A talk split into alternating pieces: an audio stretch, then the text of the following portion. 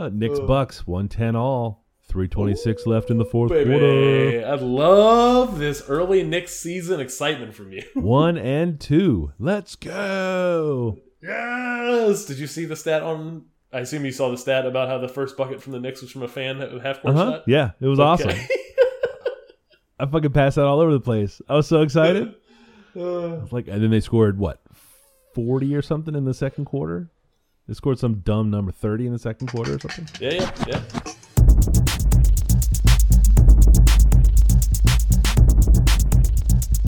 This is the Safest Milk Podcast, where Adam and I get together twice a month to use bad words to talk about things we like.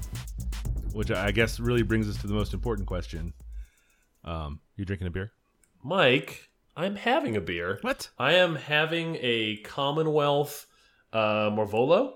Oh, I like that Uh, beer. it's imperial chocolate stout. I have never had it before. Mm. It has the standard, uh, like liquid, like kind of slightly pixelated, liquidy, liquidy swirl. Mhm. Looks like like looks like a planet, Yeah. like in a like the the art you would use for a planet in a video game.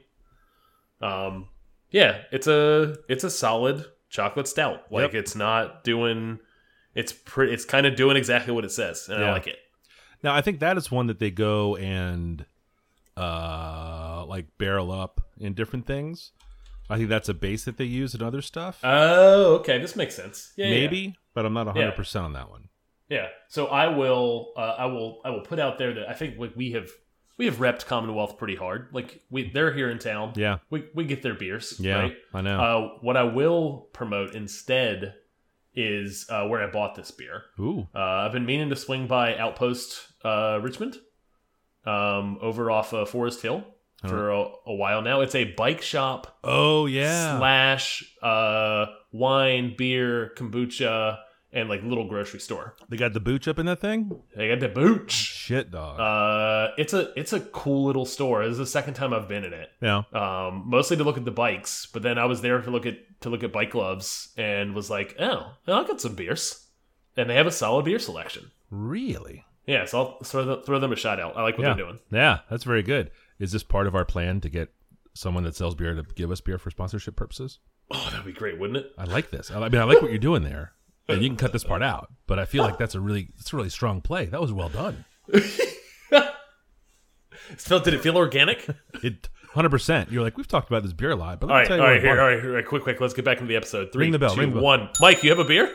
Yes, I do. I am drinking a proven theory from Benchtop Brewing, uh, our good friends down in Norfolk, Virginia.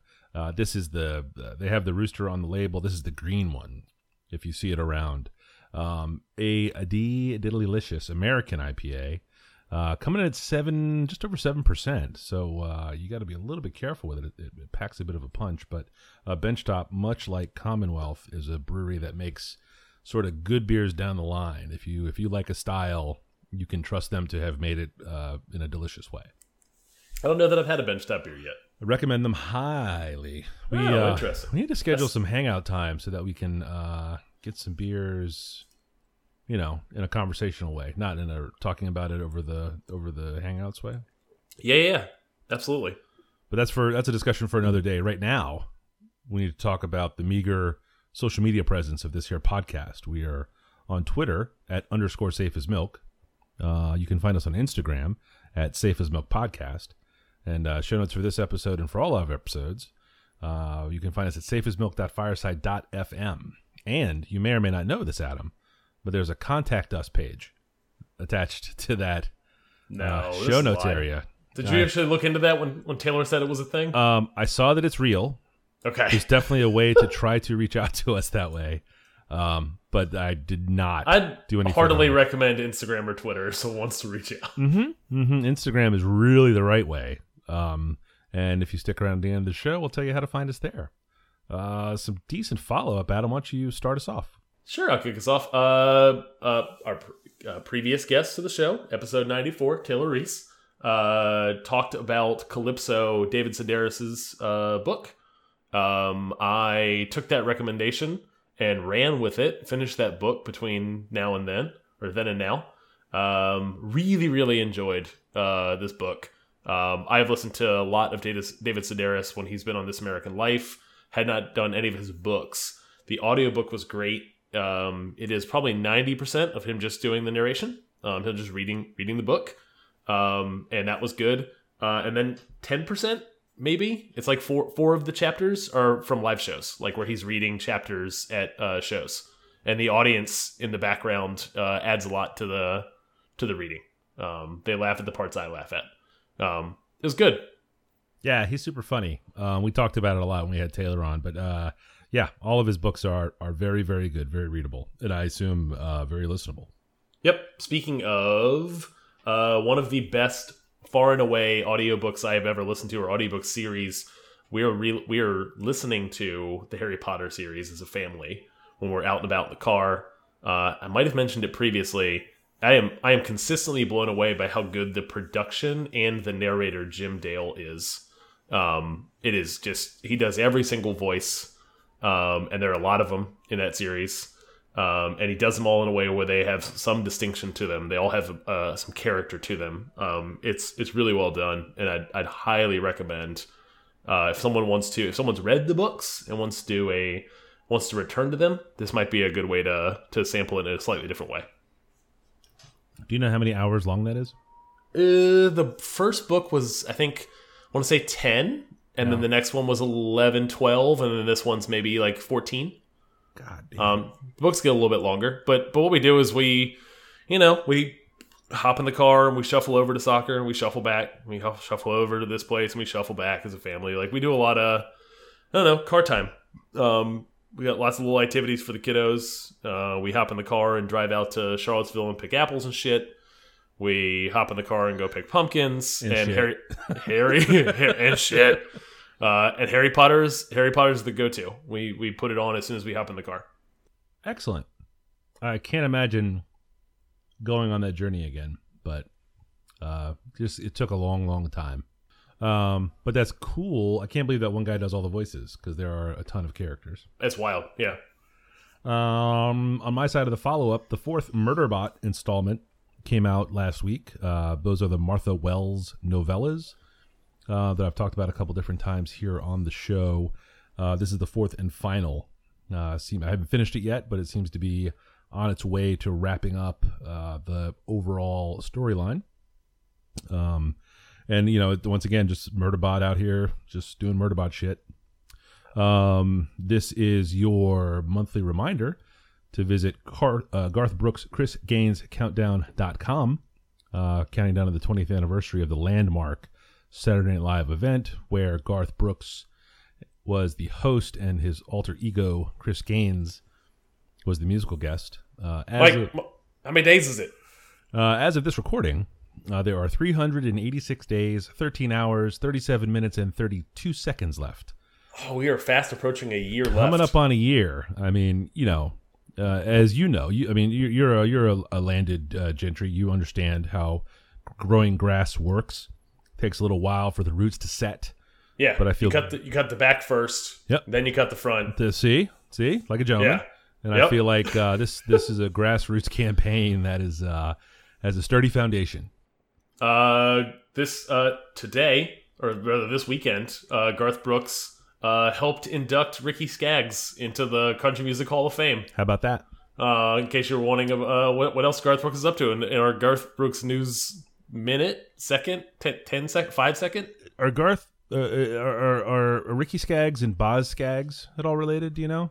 Oh, I'm out of my depth. Yeah, well, that's an interesting question. Uh, any listeners that have input on that, feel free Please to don't don't tweet send us. It to, send it to Mike. Don't tweet us. Um, because really, I, I don't think I know that password anymore. But uh, if you Instagram us, that would be the best way to get us. Uh, and the other follow up I wanted to mention was Taylor Reese, our guest last week, uh, is the Pinball Whiz, and he invited us over for some pinball hangouts um, at his house, and it was an, awesome. It was tremendous time. Um, uh, very Killer, generous, rad, his, yeah, yeah, very generous with his time um, and with his machines, and uh, had some fun hangs, um, some cold beers and I'm pretty sure Adam got to put his initials into one of those machines. It was. Uh, Ooh, I'm sure it's gone already. There's no way. Yeah. yeah. yeah, There's no way he didn't get up at 8 a.m. the next day and just go down straight to that machine and just take it away. So we left around midnight and Okay, they, probably was it was probably done before I got back to the house. they ran till two. I don't I don't know that he definitively got that score uh, locked, but uh, whatever whatever the hell you did to get your initials into that machine, Thirty three spins. 33 spins of of one of the spinners. I don't know. I don't know. Uh, but yeah, totally great time. And uh, uh, shouts and thanks. Please listen to this flipping podcast, which is uh, uh, Taylor and his co-host have. Are they weekly with that thing? I'm not sure, but it's all pinball, deep, deep, deep dive, dive, dive. And uh, you know, if that's your thing, uh, you probably already know about it. You want to start us off with the threes this week?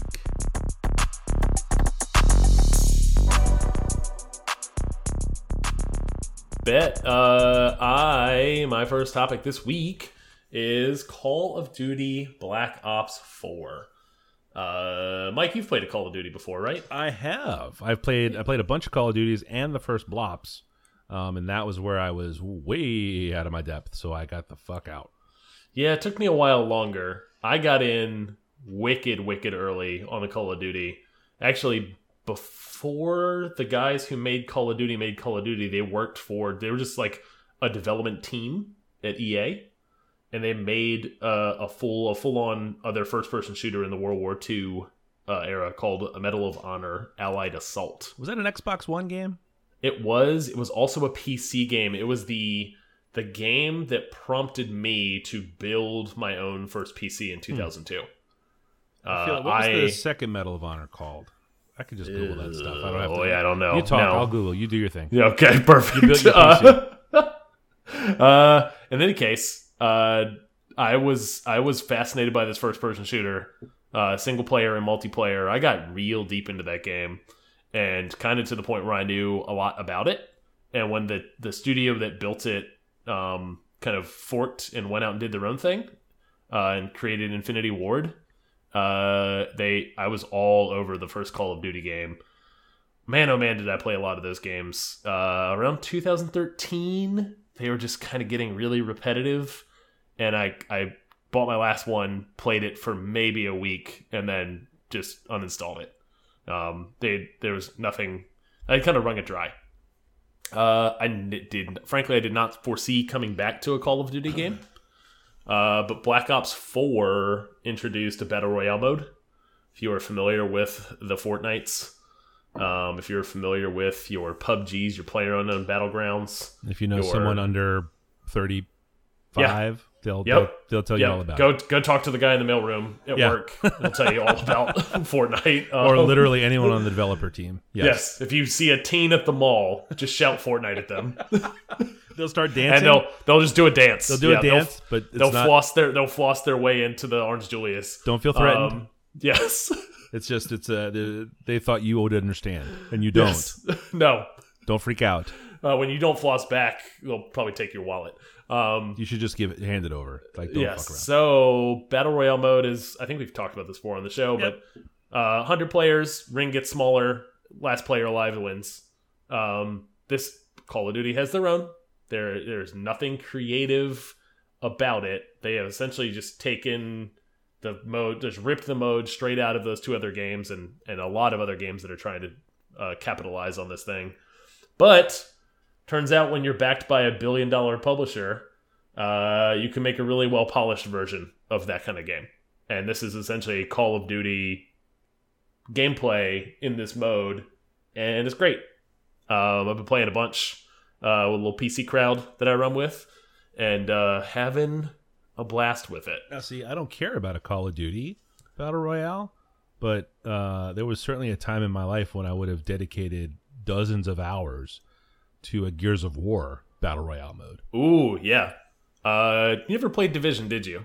No, I think you would have enjoyed Division. Uh, I want Division Two to have a battle royale mode. That I think would be like the sweet spot for the kind of game I want these days. that's not the mechs game, is it? no, no, no, no. This is uh, this is uh, apocalypse happens in New York, and you run around playing this little RPG, but it's all gear style, like get in cover and fire over cover, but not not like Yeah. what is it? Monsters, monsters that came out of the earth like gears. Yes, This is uh, you sound like Marcus Fenix there. I was on Um, purpose. Okay.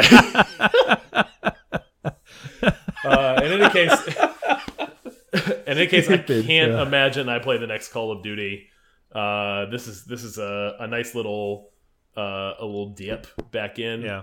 It a little bit of like my nostalgia nostalgia's being itched. Oh It's no, gonna- they're gonna come out with a World War II battle royale mode. Oh, it's this thing's gonna wear off real quick. Trust me. Uh. Red Dead Red Dead Redemption's coming out, I think, this week. Oh yeah, that's right. Yeah. Oh well. So, but Sorry, but video my my brief my brief two three weeks with Call of Duty Black Ops has been a blast.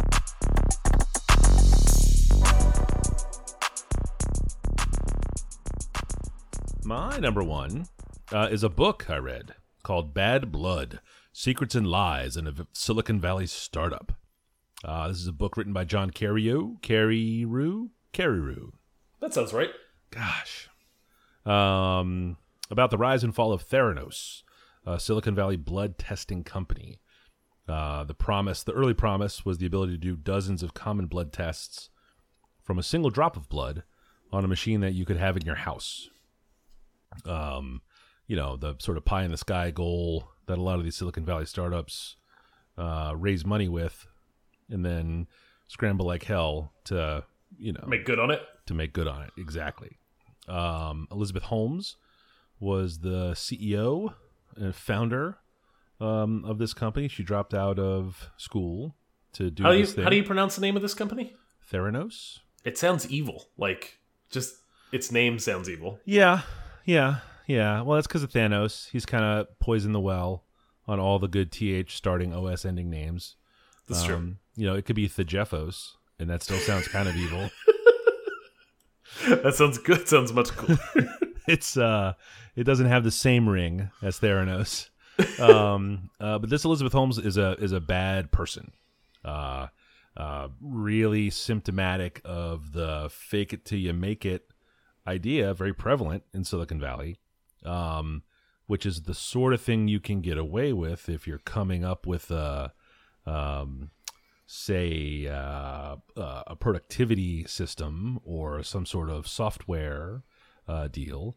Um, but medical equipment is not the kind of thing that holds up well against that sort of dumb fucking idea.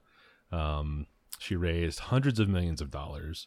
Uh, the company literally dissolved into nothing. Uh, they didn't. Uh, lots of times, these companies will just become shells, where the the stocks are still uh, alive, more or less, but for uh, fractions of a penny a share and no underlying value. The Yeah. idea being that at some point someone may think that's a cool name and want to have a company called that, or not want to jump through all the hoops of actually forming a company to get stock and just buy this thing outright to have all of the stock already in place. Does that make sense? You know what I mean? yeah. Nope. I Um, understand. yep. so um, uh, yeah, the company just went away completely. Uh, anyone that had put any money in it and didn't get out, uh, it's all gone. Uh, Elizabeth Holmes fancied herself a modern day Steve Jobs. Um, she was a young, attractive, uh, uh, by all accounts, uh, just convincing, eloquent speaker. Um, just real sharp. Her TED talks are, are still all over the internet. She's. I'm. I'm looking. I've looked her up. Yeah. She has a, a lot of pictures in a black turtleneck. Like that was like almost comically Yeah. a lot of pictures. That was how she dressed every single day. Yeah. Yes, and then you look at her um, when she would speak, she would turn her voice down low like this. So if you if you have a, a chance to look at it, watch a video of her, um, it just doesn't make sense that that sound is coming out of that person. Um, no one ever definitively said that she was putting on that voice, but um, that is really the uh, sort of supposed uh, uh, fact there. Um, and she's a huge liar. You know, um, uh, you know the stories that she told about how uh, she would pass out from having blood drawn from her arm. You know, so like this, that's how she got the idea. like the the pitch to do a single drop instead of pulling Correct. a whole bunch of blood. Yep, yep. And there are there is an established uh, industry for blood testing. You know, there are large industrial companies around the world that make the machines that do the blood tests. They're aggressively tested. The machines themselves are aggressively regulated by the United States government. You know, the ones that do blood tests in America are heavily regulated by the United States government. Um, you know, the Food and Drug Administration is all over these things, and um, it's a it's a big deal to even be able to say you can do some of this stuff. And she sort of just rammed through the idea that she was just doing it. Um, uh, signed deal with Walgreens to have like a little Theranos corner in there where you could go in and basically like they would take a drop of blood, they would uh, run it through the box that was in the store, uh, send it over the internet to the processing computers and servers at Theranos to to do the tests and send it back. Um, uh, Walgreens, like the the board at Walgreens was like, none of this makes any sense, and they're like, yes, but if CVS buys it, we're fucked. You know, CVS does Oh. it and it works. We're That's fucked. a great way to. That's a great way to make decisions. I Yeah. I know that happens every day. Yeah, yeah, yeah. Um, the Safeway, the the chairman of Safeway, you know, and the you know the stories about there's no there's no margins in the grocery store. Um, she just she just charmed the guy, and he was like, you know, he had been in the grocery business so long that he what he wanted to do was stop selling uh, bad food for people and uh, start selling wellness. So he thought this was the thing that he was going to leave behind on his way out, and uh, just terrible, ruined his reputation uh, as the CEO of that company. He got run out of it when the whole thing started to tip over. Um, and then uh, uh, Jim Mattis, the general, General Mattis, who uh, is in the news a lot these days because of his position in the current uh, presidential administration. Uh, somehow she knew somebody and got in with him, and same idea. Just like you know, we'll be able to do tests on the battlefield in Afghanistan. Like you won't have to ship blood out or take a lot of blood. Like we can just do it on the spot. He was like, "Fuck it, let's go." Because the idea Huh. of a federal contract for this stuff was part of what got the value of the company so absurdly high. Um, but this was all faking it. it I'm kind of spoiling the book, but um, you know, there were the It's a but the but that's I mean you can go read the news for five seconds and realize the the actual guts of this story are what make it interesting. This yes, sounds fascinating. absolutely. Yeah, the John Kerry Carreyrou guy. Uh, it was a Wall Street Journal reporter, and uh, it's an it's an interesting part of the book uh, because he's telling the story, and then about halfway through, he gets involved in the story because they sort of uh, start to work on him. Like it's super secretive. Um, a lot of the character characters, but they're all real people. That's part of the fucked up part of it. But the the people in the book, fascinating personalities.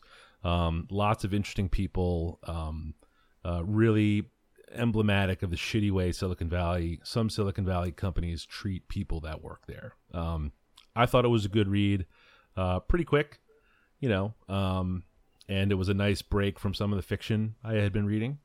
Um, but yeah, Bad Blood by uh, John Carreyrou.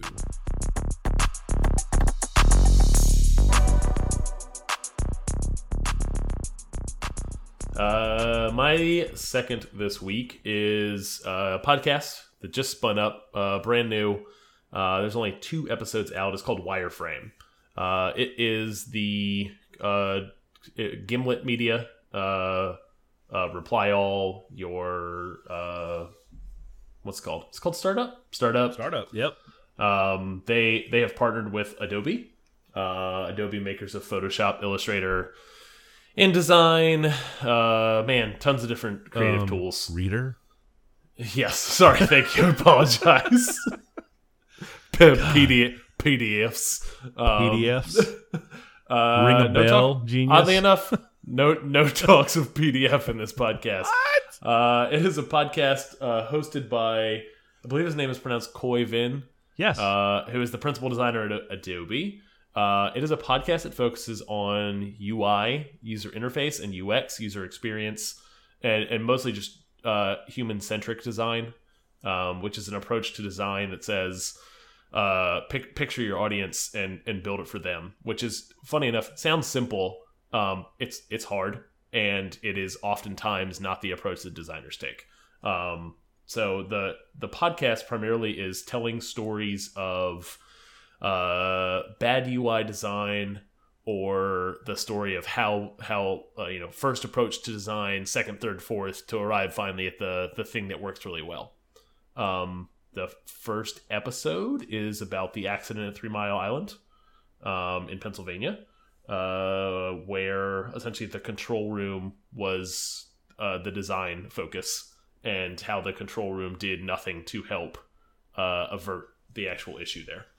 Um, actually, probably confounded, com compounded it and uh, confused it more to the point where uh, I think they shut that place down for ten years to clean it. Um, uh, and fascinating stuff. And then the second one is about Boston's 311 app. And Boston's 311 service was a phone number you could call. There was a pothole in the city. It was the mayor's hotline, essentially. Um, pothole in the city, missing missing sign somewhere. Call it into the mayor, and they'll they'll send someone out to to fix it. Um, no one was using it, so in the mid 2000s, they decided uh, after the iPhone comes out that they're going to build an app. Um, and it goes through the different iterations of too simple, too complex, and finally arriving at like the thing that uh, should feel like it could have got into it first, but it takes iteration, and that's kind of the point of the the podcast is that good design takes iteration, um, and it's hard. Um, but I I find this stuff immensely fascinating, and it it dovetails nicely with my with my yob. Are they super long episodes? Mm -mm. Uh, thirty sub thirty. Oh no! And shit. then and then with like a little little promo thing at the beginning, a little ad in the middle. You can Yeah. skip, uh, hit that thirty second button. Yeah, oh wow! Yeah, we're good. A little bite uh, sized guys. I will throw that in. I I don't know. I'm very curious to see how they.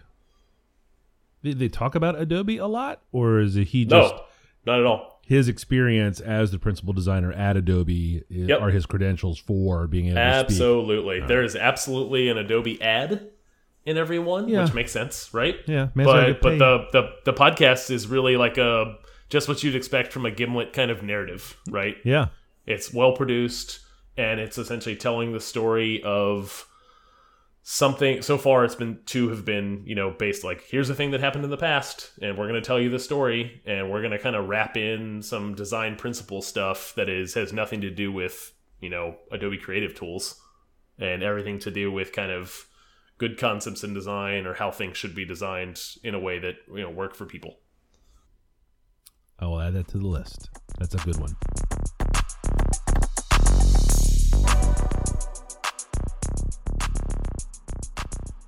Uh, my number two this week is a four-part show on Netflix called Salt, Fat, Acid, Heat, uh, based on the book by Samin Nosrat.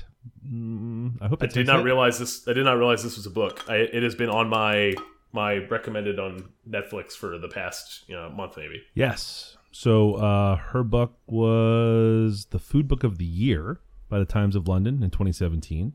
Uh, was a New York Times bestseller and won a James Beard Award earlier this year. Uh, the title of the show and the book, Salt, Fat, Acid, Heat, refer to the four elements of cooking as she sees them. Um, she was a chef at Chez Panisse. And What uh, what Mike Mike what what shape Anise? uh, kind of a famous Berkeley restaurant. Uh, one Okay. of the one of those restaurants at the forefront of the farm to table concept. Oh yeah, Um, so the the the the reason that that's a thing, Chez Panisse is a restaurant in uh, California that's sort of responsible for that idea. Um, she is a, a chef and a writer. Um, uh, the I am not familiar with the book. I've seen it around, but like books, cooking books, and books about cooking tend to collect dust around here, um, except Yep. for like the real heavy recipe based ones. Um, and uh, you know, each episode, like the salt episode, was a was a very interesting one for us, just because, um, you know, we we watched these four episodes last week, and it's already affected our cooking here at home. Um, you know, just the the way she approaches the use of salt, uh, and how fats and acids balance one another, and then you know how you use heat for stuff um, is interesting. She kind of goes uh, internationally. Each episode is based in um, a country. She's in Italy, Mexico, uh, Spain, and the U.S. So she um, it's a little Anthony Bourdain in that she doesn't go. Uh, she does. She goes shopping for the meal that she's preparing, but it's all like to the farmers. You know, there's this whole thing with oh honey. sure, yeah. Yeah. Um, or to like the the market, the local market. You know, it's all street markets and stuff. Uh, there's one where this at this apiary, they're collecting some honey, and it talks about how the the relationship, the the what do you call it? It's not a bee farmer, but that's what they are. Uh, it's an apiary. Are they apiists? Uh, don't. There should be a beekeeper. Yeah, probably. Yeah, that's probably accurate. It Um, seems like a weird. Now that I think about the term beekeeper, it seems like a weird Yeah, it's way like a to zookeeper. describe somebody who keeps bees. Yeah, yeah, but a zookeeper makes sense. Like you know, Yeah. you're shoveling the shit and throwing the yeah. hay. And There's stuff. no. There's no jaguar honey. no. like- I mean, probably not. Honestly, this opened my eyes to all kinds of crazy stuff. like they have this other these colonies of bees that are local to this area. It's it was totally bananas. Um, they Mike, run about Mike, huh. Put let's put. I want to put a pin in something. Ooh, Have you heard of? uh Have you heard of the fig wasp? the fig wasp. No. This will be an after show item. Okay. All right. Sign up for our Patreon. Hear the after show. um, uh, she's a nice lady. She looks like she has a lot of fun. She enjoys cooking and she enjoys talking to the people uh, that make the food. When she's in Italy, she does her best to speak Italian, um, and you can tell it's pretty pidgin Italian. Uh, her Spanish was a little better, so when she's in Mexico, that goes okay. Um, when she's in the U.S., she's in Berkeley at Chez Panisse, uh, in the kitchen there where she worked for uh, some years, and it's uh, uh, it's it's a good show. Um, not heavy recipe driven, um, you know, not super, uh, you know, uh, no reservations. Bourdain, you know, where he's just like looking for the cool shit, man. yeah. Um, you know, she's really into the food, and uh, uh, I will say that one of the one of the main our, our first takeaway that we've had good success with is um, uh, salting the meat when it comes in the house. oh. So like we had steaks last night for dinner, and I cooked the steaks at probably six o'clock. Um, but I when I got home from the store at two o'clock, I unwrapped all the meat, I salted them liberally, and then then 'em? put them on the counter. Oh, counter. Okay. And I was gonna go. I thought. I thought you could fridge a steak out and loosen the uh, to dry it a bit. It was yeah. I mean that's that that and it was the net result. Um, I didn't buy like the super fattiest nicest steaks, which is a mistake that I make once or twice a year, like a fucking moron. Um, but the the extra time in the salt tenderized the meat nicely, so it still had a terrific texture, even if all of the super fatty, fatty, fatty flavor um, wasn't there. Just like a just like a crazy thing, and it comes through more as a t- not presented as a tip, but you watch her use salt and how she talks about salt, and you're like, oh shit, I think I understand. Um, she goes to this Parmesan factory, giant wheels of Parmesan, and just how you know that's in the acid episode, and just how how the texture and the the properties of the cheese change over time. It's uh it's pretty interesting. If you like food shows, um, you could do a lot worse, and there's only four of them. One hundred percent in on this. Yeah, thing. yeah, yeah. I have. I have been. It has been daring me to watch it every time I open Netflix. Yeah, Um, and it's right up my alley. yeah, no, it's there for you. It's good. It's good. Salt, fat, acid, heat. Nice.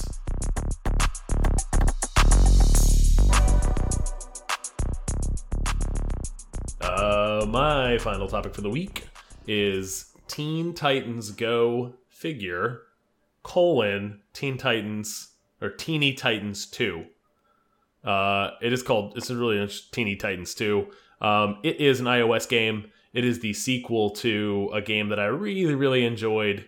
Um, maybe a few years ago now, a year ago now. Um, Teeny Teeny Titans uh, and Teeny Titans Two, very similar games. Um, they are essentially in the Teen Titans Go universe, which is a DC property. Uh, Teen Titans has been a comic series for a while. Uh, Teen Titans as a cartoon show has been a thing, I think, in two different iterations. The most recent iteration is a big fit, a big hit in our house. Teen Titans Go. Um, there was a movie that came out recently. We have not seen it yet. It is on the to do. Um, in any case, this is essentially a Pokemon game in the Teen Titans Go universe. So a bunch of DC characters. Commissioner Gordon's there, Batman's there, Superman's there, Catwoman's there, um, as well as all of the Teen Titans cast and all of these like peripheral characters um, in the mix. Uh, Mike, have you played a Pokemon game before? I have not played the the Pokemon games. That was okay. popular. Do you after I was- understand? Oh, same. No, This, this was this was a generation behind me. no, no, Um, not a um. No, no card games generally. I mean, outside of like you know gin Oh, see, I'm not even talking about the card game. yeah. There is the card game. I was talking about the video game, Oh. and I Uh, believe no. the video game came first and then the card game. Hmm. Then a resounding no. Okay, so the video game. Do you understand the core concept? Uh, no. Okay, so I'll really quickly for you and for maybe other folks, uh, a Pokemon game. You essentially play a you essentially play a Pokemon keeper. Um, you keep the Pokemon like a beekeeper, um, and you go around the world and collect Pokemon, and then you pit them in battle against other Pokemon. Um, and when you when you go to the battle screen, it very much resembles kind of uh, a JR a Japanese RPG game um, from the the 90s through the 2000s, where essentially you have like your character on one side, the other character on the other side, and you have powers. Um, and there's you're essentially applying resource to use these powers, and you're facing off against pairs or combos of other creatures, and it's just kind of this collector game, and you're leveling up your little dudes and you move around the world. This Teen Titans game, same exact thing, but in a property that I much more appreciate because I enjoy the humor and uh, love watching the show with my kids. Um, uh, I, I got super hooked on the first one to the point that I beat it, which is rare for me in an iOS game. Um, this one is a little samey, um, but there's some new locations, and I love the art. The art feels like the kind of thing that I would want to like 3D print or I would buy a vinyl of. If you take a look at these, uh, these little, if you even just do it like an Yeah. image search, Oh yeah, yeah, no, no, no. I, I uh, Yeah. I pulled up the game. I went to the app store to almost buy it. Um, do you have to watch the show to understand? Uh, that's the part I can't separate. I can't Yeah. separate the how much the game game is fun versus the the my enjoyment of the property that it's based yeah, in. yeah. Um, however, uh, I was not of the Pokemon generation. Again, I was in high school when that stuff was coming out for elementary schoolers, uh, and it just wasn't ever for me. And I bought my first uh, Game Boy ever, the Nintendo DS, uh, in like 2006 ish. Uh, I was already had a full time job, had a house. Uh, I bought two Game Boys, one for me and one for one for the wife. Uh, and we ended up picking up the Pokemon, a Pokemon Diamond in 2007. Hole, we went down a just down a hole. Like we both got super addicted to it. Like sat on the couch and would just play, play, play, play, play, play, play, play, play. Hey, are you ready for a battle? Like link link the DSs over Wi-Fi and like battle our Pokemon against each other. Um, which was weird because I had no like nostalgia or affinity for the Pokemon series. In any case, this game capitalizes on two things I like a lot, which is that kind of that that drip, that addictive drip of what a Pokemon game is, and Teen Titans Go. Huh. Yeah, I got. I don't know. I don't know. This seems like the kind of game you could just this get its hooks in you. Yeah, And I've seen the cartoon a little bit. It's a little funny. this is this is I think this game could get you. Like I think this is the like this is the right amount of like pick it up, put it down. Yeah. It's on the iOS. Um, this is a this is a Mike watching a show on a couch game. Mmm. I like those, especially since stupid time checker locks me out of the other games I play all the time. You're just gonna cheat cheat on That could be the counter. time. Yeah, that could be the counter. Is that now? Now I just have a lot of games I play. so fuck you, I like Steve Jobs. you can't tell me what to do. You're not the boss of me. Know what I'm saying?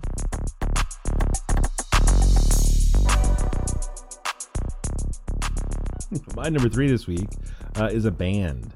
Uh, the OCs are a Los Angeles based rock and roll band led by guitarist and vocalist John Dwyer.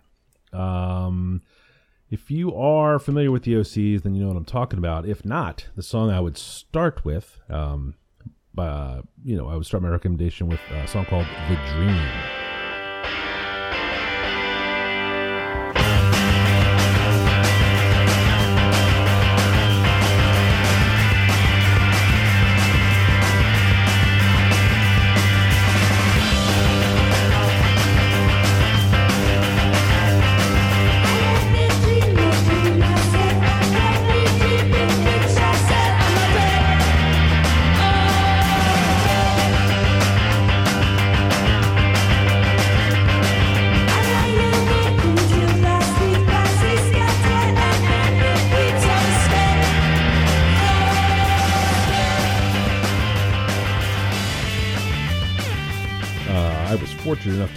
Guys last night um, as we record this on Monday. Uh, it was a Sunday night rock show, which is a little outside my comfort zone. Hate to mess around on the school nights.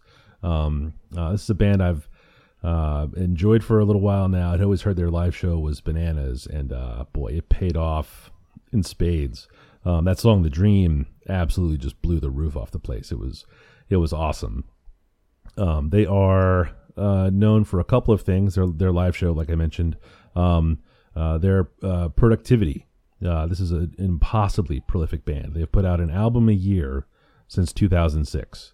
That's kind of wild. Yeah, a studio like, album. Like a like a studio. Hold on, a Yeah. studio album a year? yeah, That's bananas. That's Yeah. a crazy kind of pace to keep up. yeah. There's a there's a definitely one full proper live album. Um, they and they just they just tour like crazy. Um, you know they're they're they're on a couple of different labels. Like they're they're not married to anything. Um, an album a year since 2006 is a little more music than I can process. Um, but I really really enjoy the music that they make. Um, I didn't get on board until around 2012 or so. The releases around then. Um, and the sound has changed a lot from the very beginning. Um, it was very lo-fi, very garagey, and then um, as they have gotten better at their instruments and just just wanting to make more sounds, you know, um, just have a little more money to spend on stuff, um, and just making different choices. They are uh, they are far out, man. It was uh, I have been super duper into those guys uh, for a good little bit now. Um, probably a top five live show that I've seen. Um, Really? Yeah, they present two drum kits um, at the front of the stage. So it's two guys, and they're not playing uh, the bulk of the show. They're playing the same. I guess are they notes on a drum? I've seen beats. Yeah, yeah, they're playing the same. yeah, Um, so it looks like I mean, you ever watch like a drum line in a marching band or whatever? yeah, of yeah, yeah. Yeah, yeah, it was it was like that, except it was these two guys just going bananas on these drum kits. Um, it was crazy. Um, the John Dwyer guy plays guitar, and he he looks like a cartoon or something. Like I'm, I'm I'm looking at an image search right now. He looks at like a like a full on character. Yeah. just like every picture is yeah, of most of the. I- So I just looked up the band. yeah. every picture is him just like He's like in, a, menacing. in, a, in yeah, a crazy pose with like the guitar up by his neck. yeah, that's where it sits. Like he's got a real Yeah. short strap on it, so it's, it rides real high. Um, you know, he he does all the cool stuff. You know, he's got good hair. He whips it around. He bangs his head. Um, just absolutely shreds. Um, the show was sold out last night. Uh, uh, fucking stage diving. Like the songs, like when they when they would really start to whip it up, the whole front third of the club is just just Where was this at? uh, the Broadberry here in Okay. town. You you have been there? yeah, Yeah, so it's sort of a narrow but long room. Um, and just went. I mean, the the front third of the room just was was bonkers. You know, like definitely people like hopping up to the edge of the stage. You know, throwing the double horns and then just jumping. It was crazy. Um, in 2018, you know, I haven't seen something like that in a long time.